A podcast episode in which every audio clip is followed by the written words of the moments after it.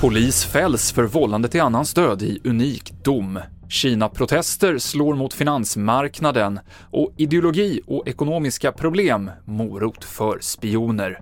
Det handlar om i TV4-nyheterna. Ja, en polis har idag dömts för att ha orsakat en mans död under ett ingripande. Det var för ett år sedan på Lidingö som polisen och en kollega ingrep mot en narkotikapåverkad man i 50-årsåldern som uppträdde aggressivt. När mannen låg med handfängsel på mage med delar av kroppen över en trappavsats så pressade polismannen ner honom mot marken med ett av sina ben och sin kroppstyngd.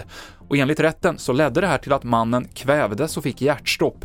Ett unikt fall och en unik dom, säger Annika Noré som är docent i straffrätt vid Stockholms universitet. Jag är övertygad om att, att domen kommer att tas vidare till hovrätten. Och det skulle ju vara bra, i och med att det saknas vägledande fall på det här området också, så, så är det ju värdefullt att få det prövat av en högre instans.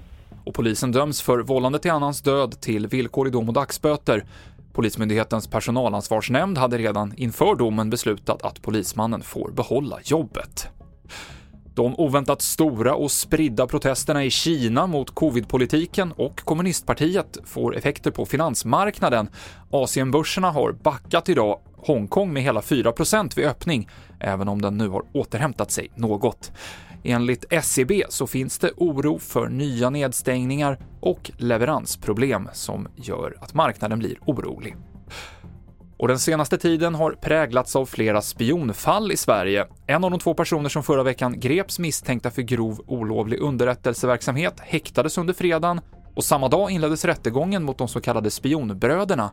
Och det kan finnas olika motiv för personer att låta sig bli värvade av främmande makt, säger Daniel Stenling, enhetschef för kontraspionaget på Säpo.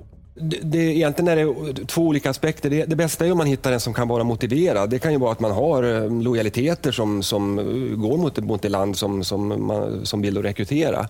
Eh, eller så har man olika svagheter eh, som man kan utnyttja. Exempelvis att man har mm, ekonomiska bekymmer eller eh, det finns andra hållhakar så att säga. Som Håller man kan på med något utnyttja. fuffens av. Motiverade eller svagheter? Ja. Det sa Daniel Stenling på Säpo. En längre intervju med honom i Nyhetsmorgon hittar du på tv4.se. Jag heter Mikael Klintevall.